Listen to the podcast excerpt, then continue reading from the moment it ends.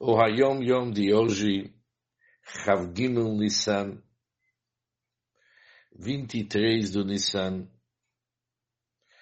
Chutzularetz é Isru Chag,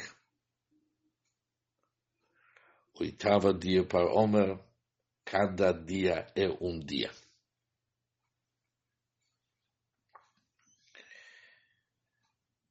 A presença de Mashiach, que é revelado na Haron Shel Pesach,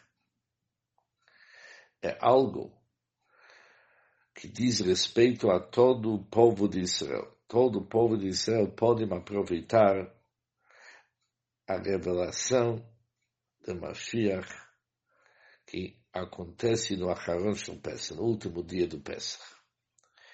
Pesach é o conceito de medaleg, passar por cima.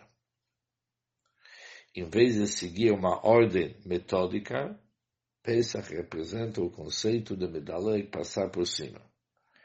Também no Pesach é o conceito de Leil Shimorim, a noite protegida. Em Pesach sente-se, em geral, um clima de liberdade. Mas, logo que acaba Pesach, caímos de cabeça de volta ao mundo exterior. E aí que a revelação da presença de Mashiach torna-se ainda mais importante. Ela nos imbui de uma firmeza poderosa para que possamos nos manter no mundo. Para entender melhor o Hayom Yom de hoje, no conceito de Gilui HaMashiach, de revelação do Mashiach no Aharon Shel Pesach, existem vários assuntos. Mas entre os assuntos há um conceito que pertence a todo Israel. E esse conceito, o que Yom Yom nos ensina, é a possibilidade de passar dos dias do Pesach para os dias comuns que vem após do Pesach.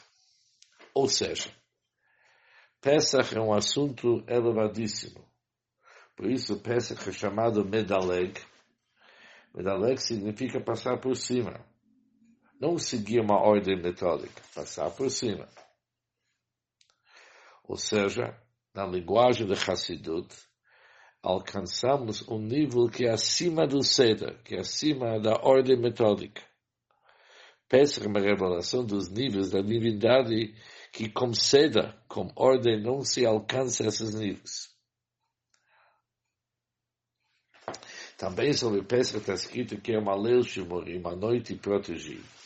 Isso na linguagem da Chassidus significa que quando chega os dias, as noites do Pesach, existem níveis elevadíssimos de Gdushá da santidade que nos cuidam. Em termos gerais, no Pesach, a pessoa sente o espírito de liberdade e elevação acima do mundo. Somos fora dos limites do mundo, protegidos pelos níveis elevadíssimos. Alcançamos, através do Medaleg, passar por cima, por cima dos níveis comuns do Cedro Stalshulu, da ordem, do encadeamento dos mundos, Pesach subimos acima da ordem dos mundos e se sente elevação.